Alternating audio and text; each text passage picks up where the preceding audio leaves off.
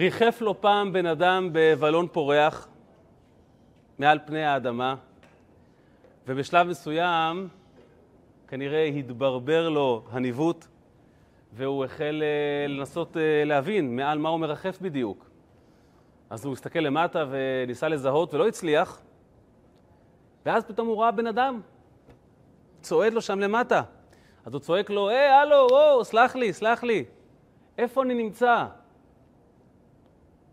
האדם שעל הקרקע הרים את העיניים למעלה, הסתכל, חשב כמה שניות, ואז אמר לו, אתה בכדור פורח. אוקיי.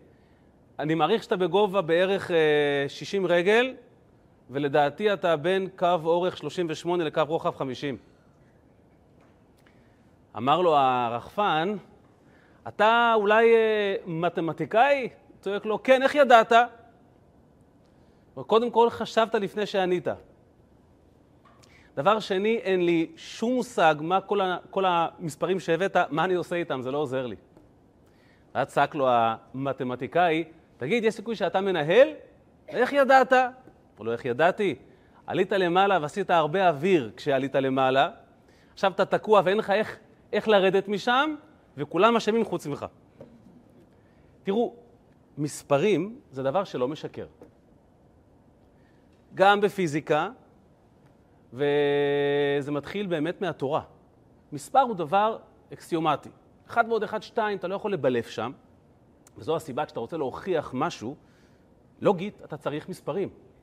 כי רעיונות אין ספור ישנם. אבל אם אתה רוצה הוכחה, אתה צריך להביא את זה מתמטית. למשל, כולנו יודעים, כולנו מן הסתם יודעים, מי לא יודע, איך שאיינשטיין התייגע עשר שנים להוכיח את הרעיון של תורת היחסות הכללית בנוסחה מתמטית. עד שזה לא נוסח מתמטית, זה רעיון נחמד, אבל זה לא בר תוקף. מספרים לא משקרים. זה מתחיל מהתורה. הרעיון הזה שמספרים לא משקרים מתחיל מהתורה. בתורה יש משמעות מאוד עמוקה למספרים. הם מספרים סיפור שאי אפשר לטעות לגביו. וזה חוזר על עצמו בהרבה מאוד היבטים. ובעצם, בעצם כשהתורה מעניקה מספר למשהו, היא מדברת על נוסחה מסוימת, על נוסחה רעיונית, שיש לה תוצאה כלשהי. והיום נבחן נוסחה מאוד מאוד מעניינת, שמאחוריה עומדת השאלה, האם יכול להיות שהקדוש ברוך הוא מכשיל אותנו כשהוא בורא אותנו, כשהוא טומן בקרבנו יצר הרע ואת, ואת האפשרות לעבור עבירה, האם הקדוש ברוך הוא מכשיל אותנו ויכול להיות שיהודי יכול להגיע למצב שבו הוא חס ושלום וחס וחלילה פשוט הולך לאבדון? כי בסוף, בסופו של דבר, עבירה מובילה לאבדון. מפני חטאינו גלינו מארצנו. מה הנוסחה מאחורי הדבר הזה? אלוקים כל כך שונא עבירות, כל כך שונא רעה, והנה הוא שם לפתחנו את, הח... את, את החטא. לפתח חטאת רובץ.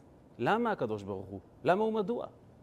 ואני בטוח, אני משוכנע שאין יהודי ואין יהודייה בכל גיל שלא קם בוקר אחד ותוהה לעצמו מה שנקרא תהייה נוגה. יש לי תקווה באמת? אני יודע הרי מה עשיתי ומה אני ומי אני. אז נכון, אבא אומר, אתה מתוק, ואמא אומרת שכפרה עליך, ו- וכל ה... לא, יש תקווה והשם אוהב אותך. אבל כשאני מביט במראה ובוחן את, ה- את האמת הפנימית שלי, את הנוסחה הזאת, יש באמת, באמת תקווה, אמונה. אנחנו נבחן היום את השאלה הזו בעקבות, בעקבות אה, נוסחה מאוד מעניינת. אנחנו התחלנו השבוע את בין המיצרים, הזמן בין י"ז בתמוז לתשעה באב. בי"ז בתמוז, בימי בית שני, הרומאים פרצו את חומת ירושלים והחל קרב עקוב מדם בתוך חומות העיר. ואחרי שלושה שבועות הם הגיעו אל, אל, אל, בית המקדש, אל היעד הנכסף, ליבו של עם ישראל, והחריבו אותו. ומאז י"ז בתמוז ועד תשעה באב אלו ימי בין המיצרים, או כפי שאנחנו מכנים אותם, שלושת השבועות. הביטוי שלושת השבועות זה לא ביטוי, אה, זה לא אה, איזה מין אה, ז'רגון ככה שאנשים אימצו, זה מגיע מה, מהמונח תלתא דפורענותא, שלושת הפורענויות. או שלוש הפורענויות. למה? כי בשבתות הללו, מי"ז בתמוז ועד תשעה באב, אנחנו קוראים כל שבת הפטרה שמספרת את הסיפור הנורא, את הנבואות הקשות, שהנביאים יתרו בעם ישראל והזהירו אותם שהם לא יחזרו בתשובה, הסוף יהיה רב אמר.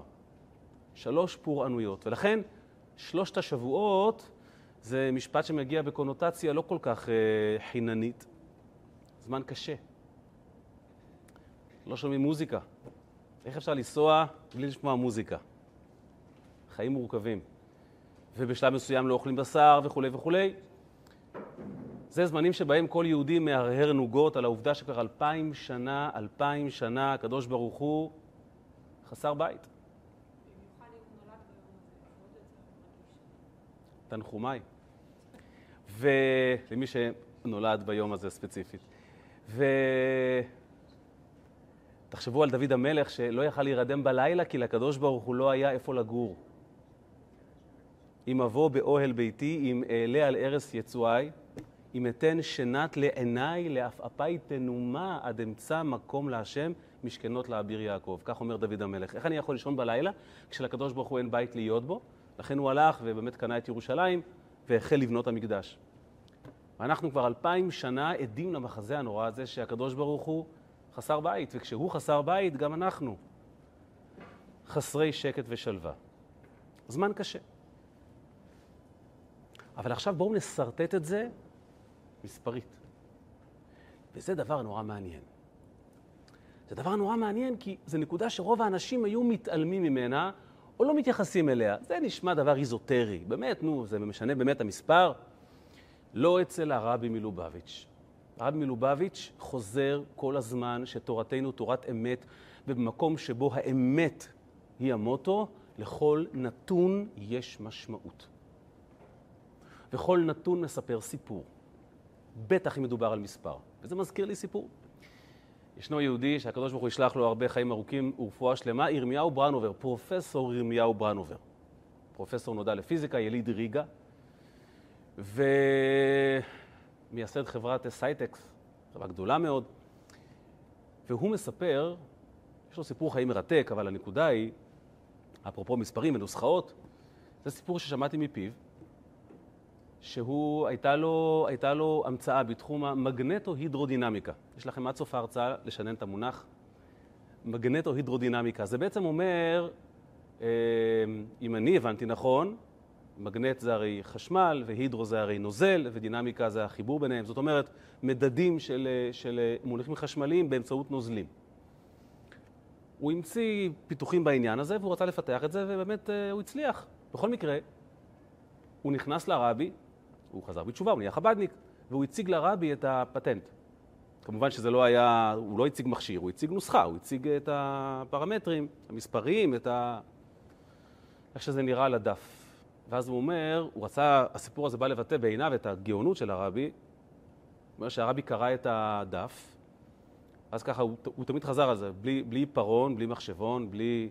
הרבי הסתכל ואמר לו, תראה, יש פה שני מספרים שלא מתאימים. זהו. עכשיו, הוא פרופסור והוא איש רציני, והוא מיד התחיל לעבור בראש על הנוסחה, והוא לא מצא את הבעיה, אבל uh, הוא, הוא, הוא ידע שכשהרבי אומר צריכים, צריכים, צריכים לבחון את זה ברצינות, אז הוא אומר, יצאתי החוצה והעברתי את המסר לצוות מחקר שלי, הוא פתח, אה, היה לו צוות מחקר באוניברסיטת בן גוריון, ואז הוא אומר, תשעה חודשים עבדנו עד שמצאנו את התקלה.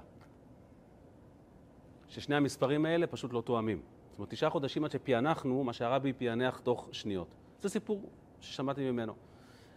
לימים, אחי, שיהיה בריא, היום הוא שליח בלונדון, הוא, אחרי שסיים ישיבה, היה שנתיים אה, בתאילנד כבחור, עזר לבית חב"ד.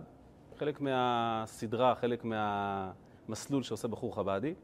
הוא סיפר לי שיום אחד הוא ככה הולך בבית חב"ד, ואיזו מסעדה שבה אנשים נכנסים לאכול אוכל כשר, ויושב שם יהודי, בחור נחמד, אה, כיפה סרוגה לראשו, יושב עם לפטופ ועוסק בענייניו. ניגשתי אליו, אמרתי לו, שלום, צהריים טובים, איך אפשר לעזור, אתה צריך משהו? אז פטפטנו.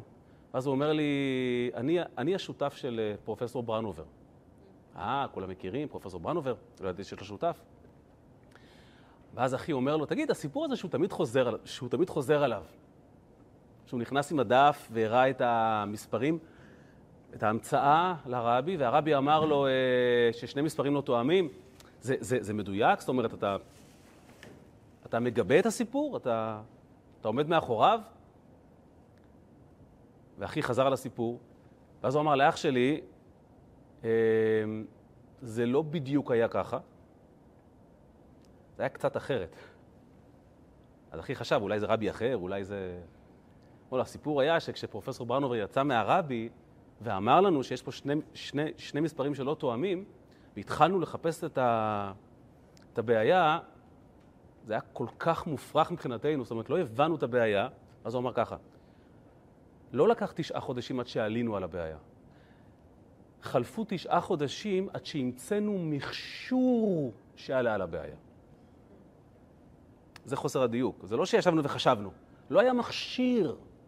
לא פיתחנו את התוכנה המתאימה להגיע ל, לרמות הרזולוציה כדי לפענח את התקלה. זאת אומרת, אז מה שהוא ראה ב, ביכולת האנליטית הגאונית הזו, עוד לא היה מכשור לזה בכלל. זה התיקון שהוא ככה תיקן את אחי. מספרים לא משקרים. לא משקרים. לא יעזור חמש ועוד שש, התוצאה צריכה להיות 11. ואם לא, כנראה אתה טעית ולא המספרים. ולכן, שימו לב איך הרבי מניח פה הנחת יסוד מופלאה. איך זמן כל כך נורא, כל כך איום, כל כך שפל, כל כך שחור, כל כך לכאורה חסר תקווה, כמו בין המיצרים, הפך להיות שלושת השבועות. המספר שלוש מייצג ביהדות שלמות, המספר שלוש מייצג ביהדות נצחיות, המספר שלוש מייצג ביהדות עלייה, המספר שלוש מייצג ביהדות תקווה. איך יכול להיות שהצמדת ספרה כל כך מיוחדת, כל כך קדושה, ותכף נרחיב ונבאר, לזמן כל כך אפל? וזה לא סתם שאלה של uh, התחכמות. כשנבין יותר לעומק, בעצם אומר הרבי, אתה מנסח פה נוסחה מאוד מסוכנת. מה הסיפור של המספר שלוש?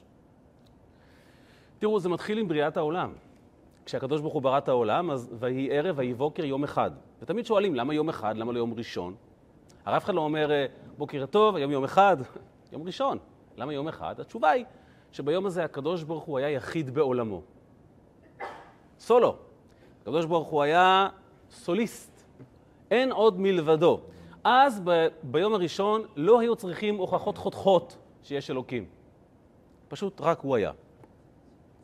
אבל אז הגיע יום שני. ויום שני זו ירידה. המספר שתיים תמיד מסמל ירידה. תמיד מסמל מספר קשה. כי זה פיצול. הקדוש ברוך הוא אחד, יחיד ומיוחד, פתאום יש שניים. לכן יום שני לא נאמר בו כי טוב. כולכן זוכרות. מדוע? כי יום שני פתאום, רגע, קודם היה רק הקדוש ברוך הוא, ולפתע יש גם עולם. רגע, והעולם הזה מנגד לקדוש ברוך הוא. הוא נקרא עולם כי הוא מעלים על הקדוש ברוך הוא. המספר שתיים מסמל קוטביות. מסמל שני כתבים שדוחים אחד את השני, שמתנגדים אחד לשני. ולכן המילה כי טוב לא נאמרה בו. ואז למרבה המזל, אפשר לנשום לרווחה, הגיע יום שלישי, פעמיים כי טוב. מדוע שני כי טוב ביום שלישי? כי מה עושה יום שלישי? הוא לא מבטל את ראשון או את שני, הוא ממזג אותם יחד. וזה דבר מדהים, כי אתה ממזג פה שני כתבים לחלוטין לחלוטין הפוכים. המיזוג הזה מעיד על עוצמה אלוקית כבירה. לכן יום שלישי זה יום נהדר, אגב, לעבור בו דירה. לא עוברים דירה ביום שני, כי יום שני זה יום של דינים. אין סיכוי שאשתך תאהב שום דבר שעשית ביום הזה. לא ביקשתי צבע ירוק, ביקשתי צבע פיסטוק. אל תנסה להבין. אבל, אבל אם תעבור בשלישי, הכל יהיה טוב. זה... זה אה? נכון, פעמיים כי טוב, ביום שלישי. זה עוצמתו של השלישי. יבוא השלישי ויכריע ביניהם. מה זה יכריע? הוא לא יפסוק פסק, הוא יחבר, הוא יגבש. חיבור זו תמיד פונקציה אלוקית. כי אי אפשר לחבר אש ומים אם אתה לא מעל שניהם. זה המספר שלוש. זה סוד השלוש, וזו הסיבה שכל היהדות בנויה על שלישיות. התורה שלנו היא הרי תורה נביאים כתובים, תורה משולשת, שניתנה בחודש השלישי, חודש סיוון, על ידי שלישי שהוא משה רבינו. אחרי מרים ואהרון, ביום השלישי כי הקדוש ברוך הוא אמר, חכו ג' ימים, אל תיגשו אל אישה. ולכן היא כל כך uh, מיוחדת, היא מחברת שני כתבים הפוכים לחלוטין. מה הם שני הכתבים? אה, וגם עם משולש כתוב, כהנים, לוויים וישראלים. לכן התורה יכולה לחבר שני כתבים הפוכים לחלוטין, שמיים וארץ. אי אפשר לחבר שמיים וארץ. שמיים וארץ זה לא רק פשוט נורא גבוה ונורא רחוק, זה תפיסות שונות. מה ההוכחה השכלית הלוגית ששמיים וארץ שונים זה מזה? שהפיזיקה והמטאפיזיקה הם פשוט שונים. במהות שלהם. אתה לא יכול אה, ללכת בשניהם ולהרגיש בנוח. אחת הדוגמאות היפות מופיעות בספר היום-יום, שם כתוב, הנה, קח לך תכונה פיזיקלית ותראה כמה היא הפוכה בעולם הרוחני. מה התכונה הנאצלת הטובה ביותר בעולם הפיזי, המוחשי שלנו? השמח בחלקו. בעולם החומר, שהוא עולם סופי ועולם מוגבל, אתה חייב לאמץ את התכונה של השמח בחלקו. ומי שהוא שמח בחלקו, הרי הוא עשיר גדול. משום שאם אתה לא שמח בחלקך, גם אם תוכל לאסוף את כל האוצרות שיש עלי יקום, זה לעולם לא יעזור לך, כי תמיד אתה תרצה עוד. וגם אם אספת הכל, איפה תאחסן את הכל? נו, תכונה נהדרת. עכשיו, עכשיו ננסה להעתיק את התכונה הזו לעולם הרוח, תקלה חמורה מאוד. הביטוי שמח בחלקו בעולם רוחניות הוא תקלה חמורה. לעולם אסור להסתפק במה שיש לנו ברוחניות. למדת דף אחד, מהר דף נוסף. למדת שניים, מהר דף שלישי. עשית מצווה אחת, קדימה למצווה הבאה. יש לך הישג רוחני כלשהו, אל תעצור, אסור לעצור לרגע.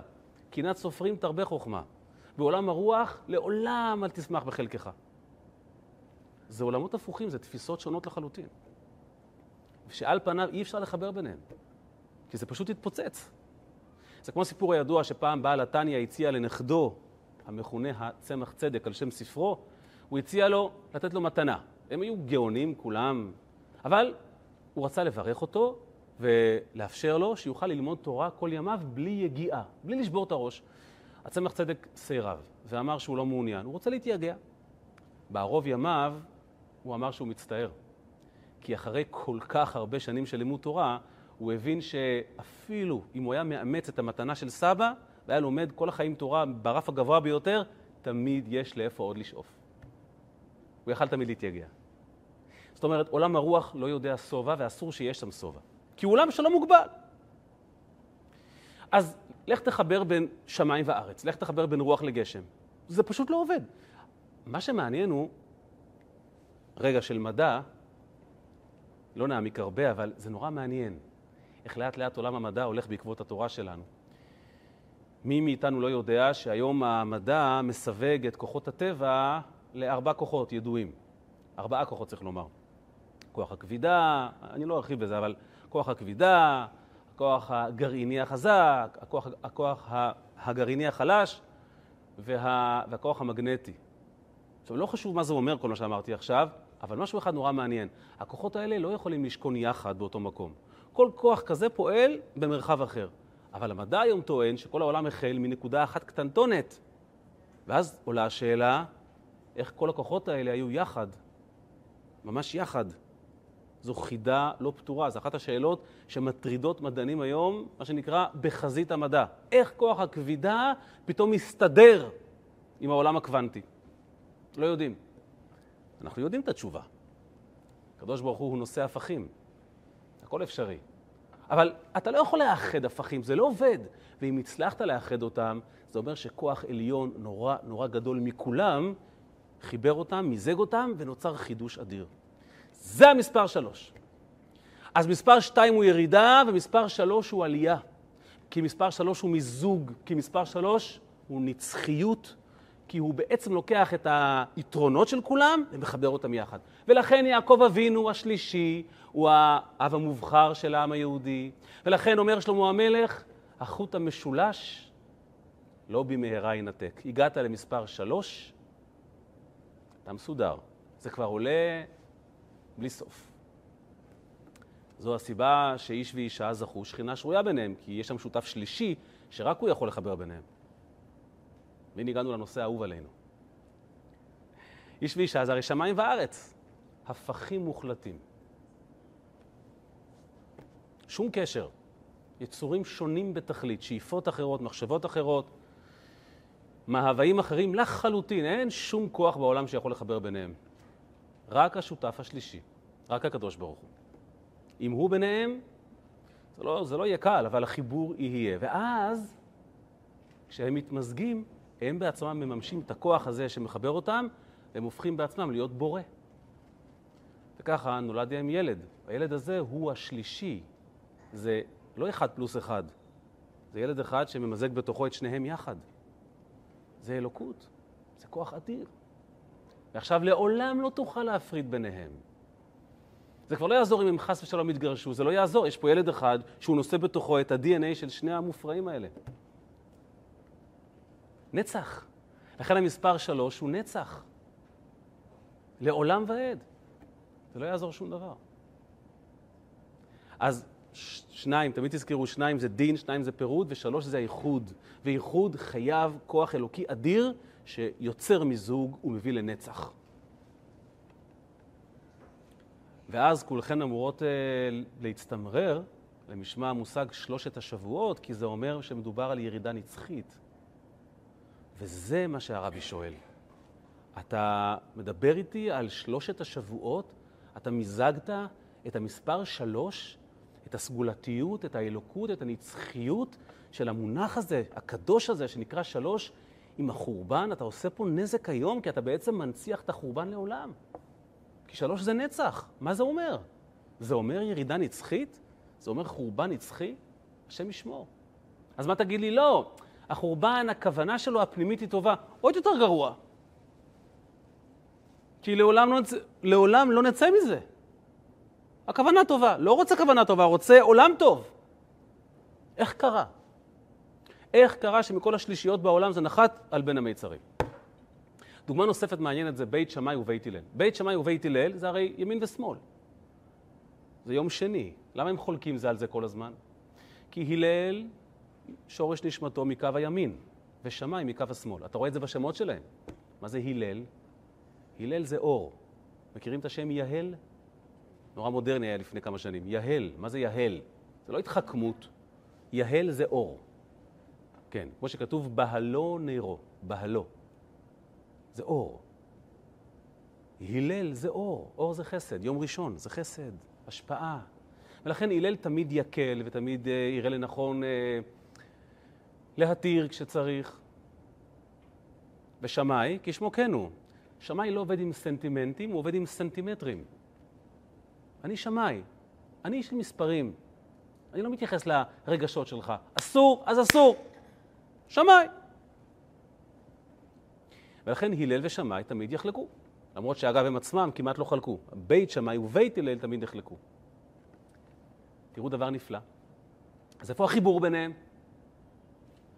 כותבים כל כך, אומר לנו המגלה עמוקות.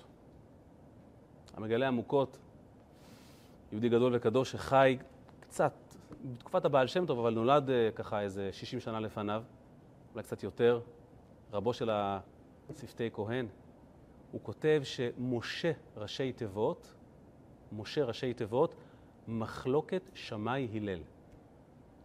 משה רבינו מחבר, ככה הוא אומר, את שמאי והלל. כי בעצם, בעצם, בעצם, הם לא באמת חולקים במובן שהם סותרים זה לזה. הם מייצגים גישות שונות בתורה, אבל כולם מרועה אחד ניתנו, ובסוף שניהם צודקים. אגב, הרבי אומר שאפשר לומר שמשה ראשי תיבות, פשוט משה שמאי והלל. ואיך זה בא בפועל? כי הרי בסוף ההלכה כמו הלל, וכאילו את שמאי הוצאנו מהחדר. זה לא מדויק. כי בסוף מחלוקתם היא מחלוקת לשם שמיים, ולכן כתוב שסופה להתקיים. מה זאת אומרת? הם לנצח יריבו? לא. היום ההלכה כבית הלל, לעתיד לבוא כבית שמאי. וכיוון שאתן לוחצות עליי, אז אני אגיד לכם עוד משהו, שכתוב שיהיה זמן כזה, עתידני מאוד, שלא נרחיב עליו עכשיו, שההלכה תהיה כבית הלל וכבית שמאי בו זמנית יחד. תשאלו איך, פעם נדבר על זה. אבל זה המיזוג. אתה לוקח שני כתבים הפוכים לחלוטין, שדוחים זה את זה, שמתנגדים זה לזה, ואתה מחבר אותם יחד. זה המספר שלוש, וזה יוצר נצח. פעמיים כי טוב. אז אומר הרבי, אז מה עשית? חיברת לי את נוסחת הנצח עם שלושת השבועות, עם החורבן. אוי ואבוי. דבר נורא ואיום. מוכרחים להסתכל מחדש על הנוסחה ולהבין מה היא אומרת לנו. תחשבו על זה כמו על שורת מספרים שאתה מנסה להבין את המשמעות הפיזיקלית. אתה אומר, אני מבין את המספרים, אבל זה, התוצאה היא איומה ונוראה. אז מה זה אומר לנו התוצאה הזאת? שיש אפשרות שיהודי חס ושלום נופל לכזאת ירידה של שלושת השבועות ומידרדר ומתנפץ אל החטאים והעבירות, ומפני חטאינו גלינו מארצנו, וזהו ואין תקומה? תקשיבו מה עומד מאחורי נוסחת שלושת השבועות.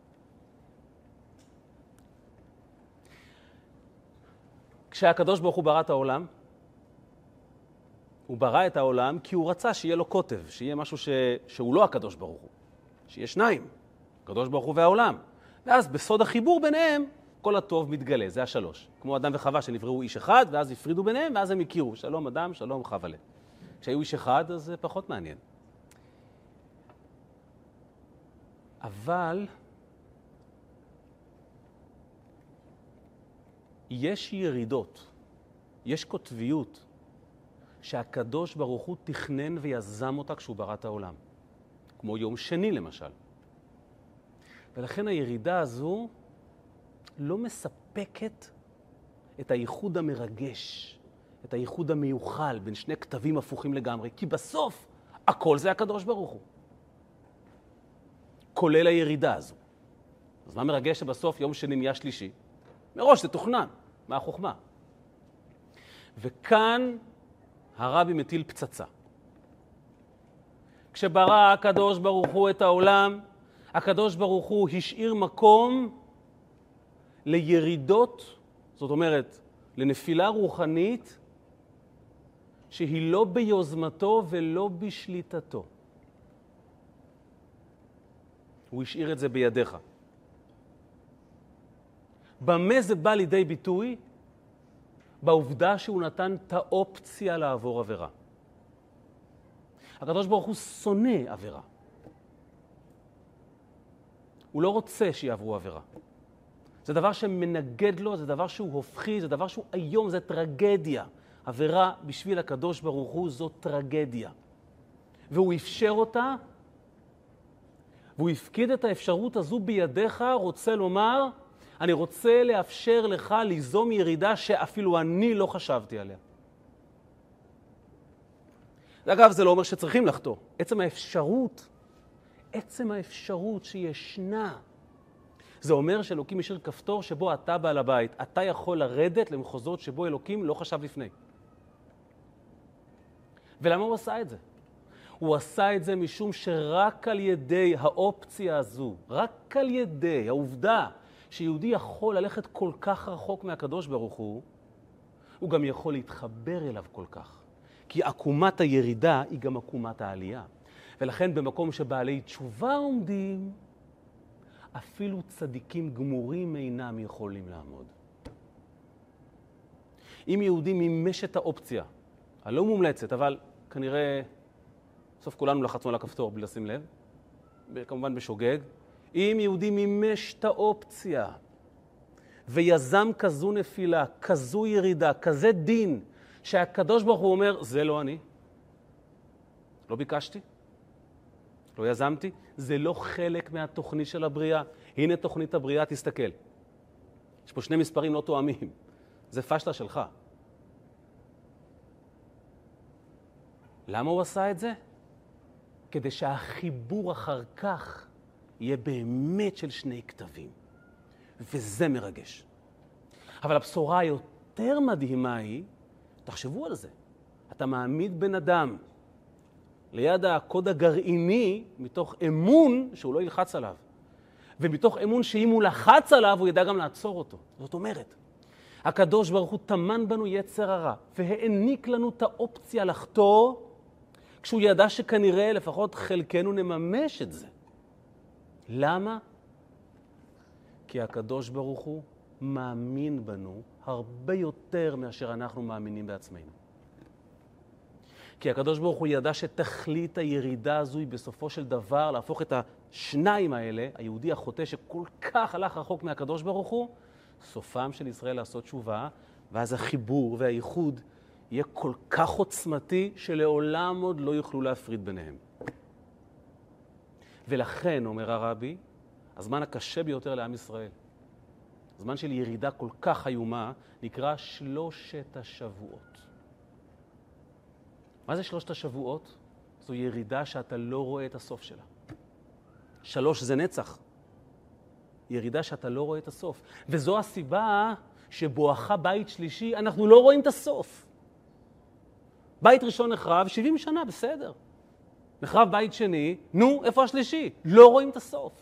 שלושת השבועות זה לא רק השבועות הללו, זה הזמן בין שלוש המקדשות. והזמן האחרון אתה לא רואה את הסוף של הגלות. זה כמו הסיפור הידוע על אותו רב שהיה באושוויץ, וכשהגיעו לשחרר את המחנה, הכוחות הרוסים, הטנקים הרוסים עמדו בשערי המחנה, והוא תמיד היה כזה אופטימי ואיתן, ותמיד זרה אופטימיות בכל החברים שלו, אז הוא עמד שם, וכשהוא ראה את המשחררים, הוא התמוטט. וכששאלו אותו למה, עכשיו, עכשיו, אחרי כל הגיהנום שעברנו, אז הוא אמר, אני הייתי משוכנע שמשיח יוציא אותנו מכאן. אחרי כזו ירידה? זה לא גיהנום, זה הרבה יותר גרוע מגיהנום. אני חיכיתי לחיילים סובייטים שיבואו לשחרר אותי? למה חיכיתי חמש שנים? לא שווה. זה ירידה של פונקציית השלוש. אתה לא רואה את הסוף. וזה בא אחרי כל ה... הרפתקאות האדירות שעברנו, כן? מסעות הצלב והפוגרומים, כיף גדול. לא נגמר. וכבר הגענו, וכבר הנה, וכבר שלווה ושקט, איזה בלבולים, ואיזה ויכוחים, ואיזה איזה, איזה, איזה ניסיונות על היהדות. זאת אומרת, אלוקים אדירים, איפה הסוף? הגלות הבלתי נגמרת הרי החלה מפני חטאינו גלינו מארצנו, כי לחצנו על הכפתור, כי מישהו רצה שנלחץ על הכפתור. הוא לא יזם את זה. הוא נתן את האופציה. כי הוא אמר, אתם תרדו, זה לא מתוכנן, הירידה שלכם זה פרויקט שלכם. אתם תרדו, אתם גם תחזרו אליי. וכשתחזרו אליי, זה יהיה חיבור.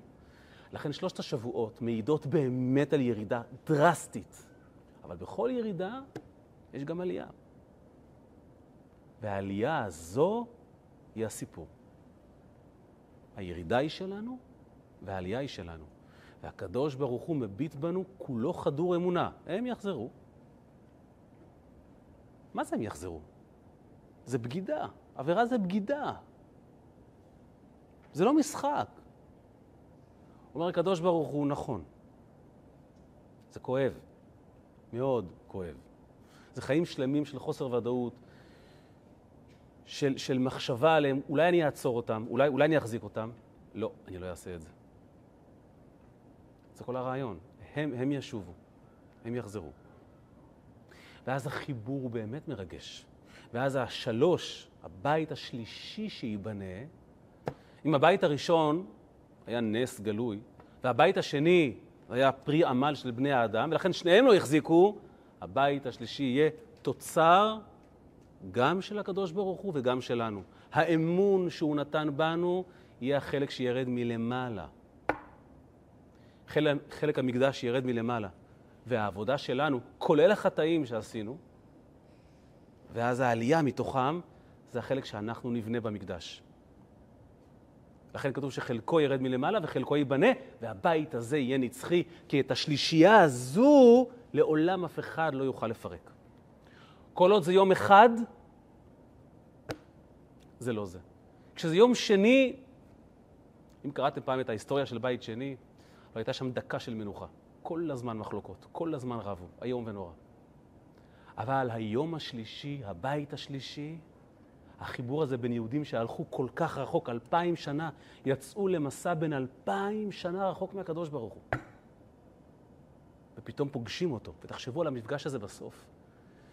מה שאנחנו נראה בסופו של תהליך, אף אחד לא ראה. הגמרא אומרת, אדם הראשון ראה מה שאף צדיק ואף נביא לא ראה. ואיפה הוא התגורר? אדם הראשון בגן עדן. גן עדן. זה הגן של העדן. הוא גר בגינה של עדן. בגינה הציבורית של עדן. ואת העדן, אומרת הגמרא, עונה הגמרא, את העדן אף אחד לא ראה. עדיין. אף אף בריאה לא זכתה לראות, כי העדן זה התענוג האלוקי. ועל זה נאמר, עין לא ראתה אלוקים זולתך, רק אלוקים ראה. את העדן הזה אפשר להשיג רק אחרי אלפיים שנות גלות. יומיים, אלפיים זה יומיים, יומיים של דין, של מרחק כל כך גדול, שלא. פשוט זה לא נגמר. ואתה אומר, זה רק הולך ומידרדר. כן, אבל הידרדרות מעידה על עקומה, ובעקומה ישנה גם עלייה. ואלוקים בטוח, הוא מאמין בך בכל מאודו, שתוכל לטפס את העלייה הזו בחזרה, ואתם תיפגשו שם. והמפגש הזה יהיה העצם של היהודי, הבחירה שלך לפגוש אותו עם העצם האלוקי, עם העדן האלוקי. עין בעין יראו בשוב השם, בלי פילטרים. זה בית שלישי. ולכן, כל אחד וכל אחת מאיתנו צריך תמיד לשאול את עצמו, האם יש תקווה? ואם יש, למה הקדוש ברוך הוא כל כך הרבה מנסה אותי ושם לי יצר הרע ונתן את האופציה לחטוא? או לשאול את זה בניסוח שהיה משתמש בה רבי לוי יצחק מברדיצ'וב. אלוקים אדירים, הוא היה אומר. את כל תאוות העולם הזה שמת מול העיניים ואת גן עדן בספרים. באמת תודה רבה לך. לו שמת את גן עדן מול העיניים ואת התאוות בספרים, הכל היה אחרת. תחשבו על זה שהתאוות היו בספרים. בספר היינו קוראים ולומדים שיש מושג שנקרא שוקולד. אם זה תאווה, אני לא יודע. שוקולד, והיה היה מחלוקת בין רש"י לתוספות, שוקולד מריר, שוקולד חלב. והרשב"א היה אומר שזה תלוי באחוזים של הקקאו בכלל. כן? והפוסקים האחרונים היו אומרים, תקשיב, שוקולד לבן זה לא שוקולד. אל תשקר. באמריקה זה בכלל, זה בכלל לא נקרא שוקולד, כי אין שם בכלל אה, אה, אה, אה, אה, חמאת קקאו כמדומני. אני אבדוק את זה שוב, אני אסתכל ברש"י עוד הפעם. אבקת קקאו? או מוצקי, מוצקי קקאו, סליחה, אני מתנצל בשם היהדות. אז תחשבו, והיה מנהגים שונים. בחב"ד היו אוכלים רק שוקולד עם 70 אחוז קקאו. ואצל החזונישניקים, אדוני, אני רוצה פולי קקאו גולמיים. זה אם התאוות היו בספרים. אבל זה לא ככה. התאוות מול העיניים, אתה מבין? אז מה אתה רוצה, הקדוש ברוך הוא היה אומר? אז מה אתה רוצה? שאלה אדירה. כל אחד אמור לשאול את השאלה הזו. מה התשובה? התשובה היא שלושת השבועות. כן, אלוקים שם את השוקולד מול העיניים. למה? כי הוא רוצה שתדע שאתה, בתוך הבריאה שהוא ברא, יש לך חלק שאתה יוזם, שאתה מנהל, והוא מסתכל מהצד ואומר, זה אני לא תכננתי, זה לא פרי תכנון שלי. בתוכנית שאני שרטטתי זה לא מופיע, זה יוזמה שלך, קח עליה אחריות. אתן קולטות את המסר? המקומות שבהם אנחנו חלשים, המקומות שבהם אנחנו מרגישים נרדפים מיצר הרע, המקומות שבהם אנחנו מרגישים אומללים ולא טובים ושליליים, ואנחנו מלקים את עצמנו על כך. אומרת לך תורת החסידות, אתה לא מבין שאלו המקומות החזקים ביותר שלך, שבהם הקדוש ברוך הוא אומר, זה, זה אתה לבד. זה אתה מנהל לבד. גם אם תחטוא, גם אם תבחר לממש את האופציה הגרועה, זה עניין שלך. אתה גם תוכל לחזור לבד. פתאום החולשה הופכת לנקודת חוזק. פתאום התאוות הללו מעידות על עוצמה. פתאום האופציה להיות בעל תשובה מסבירה לנו שזה לא ייתכן אם אין את האופציה לחטוא. כן. ולכן, לכן אומר הרבי, שלוש השבועות זו הנוסחה הנכונה להאיר בה את המקומות האפלים בחיינו. עוצמה אדירה, יוזמה שלך. אתה תעשה את זה לבד, אתה תיקח על זה אחריות, זה בדיוק מה שהקדוש ברוך הוא רוצה. ואת הקוטביות הזו אתה תוכל למזג ותוכל לחבר.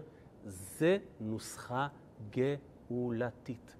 זה נוסחה שמביאה לכך שבית שמאי ובית הלל, שניהם צודקים, הלכה כמו שניהם. למה? כי הכל אפשרי בעולם הזה. אם יהודי שעשה עבירה יכול להתאחד עם הקדוש ברוך הוא, הכל אפשרי בעולם הזה. ולכן, הסיפור המפורסם שסיפר לי אי אפשר לקרוא לזה ידידי, כי הוא בוגר ממני ומבוגר ממני, אפשר לקרוא לזה ידיד, אה, רב ידיד, הרב שבתאי סלבטיצקי. ישבנו שבוע שעבר ודיברנו, ואני לא ידעתי שאת הסיפור המפורסם על אותו יהודי שרצה להינשא לגויה וטס לרבי ועבר בדולרים, והרבי אמר לו, אני מקנא בך. סיפור מאוד ידוע, אני מקנא בך. והוא הזדעזע ושאל למה? מה, כאילו גם הרבי רוצה, מה... אז הרבי אמר לו, לי כזה ניסיון אין. סיפור מאוד ידוע, אבל הרב, הרב שבתא הפתיע אותי, הוא אמר לי שזה אדם שהוא שלח לרבי. זאת אומרת, הוא נתקל בבן אדם שרצה אה, להיות נשוי לאישה גויה, ולא עזרו כל ההסברים וכל השכנועים, אז אמר לו, טוס לרבי. וכשהוא עבר מול פני הקודש, אמר לו הרבי, אני מקנא בך. זה דבר שאני לא יכול, לא יכול לנסות להזדכות על כזה ניסיון, כי אין לי כזה ניסיון. איך פתאום נקודת חולשה הופכת לחוזק? זה הנוסחה של שלושת השבועות. זה מה, קורה, זה מה שקורה כשאתה מחבר את הנצח של השלוש לירידה של מפני חטאינו גלינו. אומר לך הקדוש ברוך הוא, אתה בוכה על יצר הרע, אני מתחרט שבראתי אותו. אבל זה המקום שבו אני נותן לך אוטונומיה ואני מראה לך את האמון האדיר שיש לי בך. אני יודע שאתה יכול, אני יודע שאתה תחזור, וכשתחזור, זה כבר יהיה נצחי. וזה כנראה הסיבה שבדור שלנו אתה לא פוגש כמעט צדיקים. פה ושם את אשתך אתה רואה צדיקה, אבל בגדול כמעט לא רואים צדיקים. למה? כי הכוח שלנו חזק יותר. שלא אגב, אה, שלא מה שנקרא נתנפח, כן? כמו שאחד פעם אמר לי, אני יותר צדיק מהרבי, אני בעל תשובה. אז אמרתי לו, צריכים פרופורציה, כן? צריכים קצת, אה, קצת... אז אמרתי לו, אתה יודע שהיה חסיד גדול, קראו לו רבי הלל מפריץ', הוא היה אפילו צדיק, ממש צדיק אמיתי. הוא היה תלמידו וחסידו של אדמו"ר הזקן, אחרי זה של, של, של, אדמו"ר האמצעי. והוא פעם התבטא כזה ביטוי, הוא לא אמר את זה כמובן בהקשר של אה, לפגוע במישהו, אלא כאילו, כשהוא רצה בעצם לומר, חבר'ה, אל תעשו עבירות ואז תעשו תשובה ואז תגידו אני בעל תשובה. אז הוא אמר, אני לא אוהב בעלי תשובה. אמרו לו למה? אז הוא אומר, כי עבירה הוא בטח עשה, תשובה אני לא יודע. זאת אומרת, העבירה הוא חתום אליה. לעשות תשובה זה מורכב, אז אל ת... בוא. ובכל אופן, עדיין כולנו עושים תשובה. היה פעם, היה פעם, היה יהודי, אני עוד זוכר אותו כילד, קראו לו רב מנדל פוטרפס. יהודי מיתולוגי בחב"ד. הציל מאות יהודים ברוסיה במסירות נפש, יהודי של מסירות נפש, אמרו עליו שהוא היה גאון במידות, הוא היה גאון באהבת ישראל. הוא היה חסיד כזה, שנון ממולח כזה, אז מספרים שפעם הוא ישב במסיבת פדיון הבן, וכתוב שבפדיון הבן, כשאתה אוכל חתיכת עוגה, זה כנגד 84 אה, צומות. אז הוא ישב שם, ו... וישב לידו חסיד כלשהו, לא, לא חב"דניק, שטרף עוגות. לשם שמיים, לא מי ישמע איזה עוגות, כן? ואז הוא אמר לרב מנדל, אתה לא אוכל? כל עוגה זה כנגד 84 צומות. זה כאילו צמת 84 צומות. אמר לו רב מנדל, כן, כן, אני יודע, זה כאילו צמת 84 צומות, זה עוזר למי שכאילו עשה מלא עבירות. למי שעשה עבירות בפועל, עדיף שפשוט יצום. אז, אז לא צריכים לחבק את האופציה לחטוא, ולא צריכים להגיד, אני, זה נהיה תירוץ, אני חלש, אני, יש לי הפרעת קשב, אני לא יכול להקשיב. זה כבר נהיה מה שנקרא תירוץ לגיטימי. יש לי שיחות עם אנשים. למה אתה מעשן את החומר הזה? אני חייב, חייב. אני לא מרוכז אחרת. מה אתה אומר באמת? אז זה לא תירוץ. אבל בהנחה שאנחנו לא רוצים לחבק את החולשות כתירוץ, אלא פשוט עומדים נבוכים מולם, מול יצר הרע ומול הדחפים האלה, אתה אומר, למה אלוקים? קח את זה ממני, אני נגעל מעצמי. למה? אומר לך הקדוש ברוך הוא, למה? זה המקום היחיד שבו אתה עושה משהו שאני לא תכננתי. אתה לא חייב לבצע את העבירה בפועל, עצם היכולת, האפשרות, האופציה. ואז החיבור בינינו הוא באמת חיבור של שלוש. אתה בעצמך, איתי בעצמי. לזה אנחנו קוראים, לזה אנחנו קוראים גאולה. ולשם אנחנו מייחלים. ולכן, שלושת השבועות, תלתא דפורענותא, זו ירידה שנראית שאין לה סוף. ומה המסר השורה התחתונה?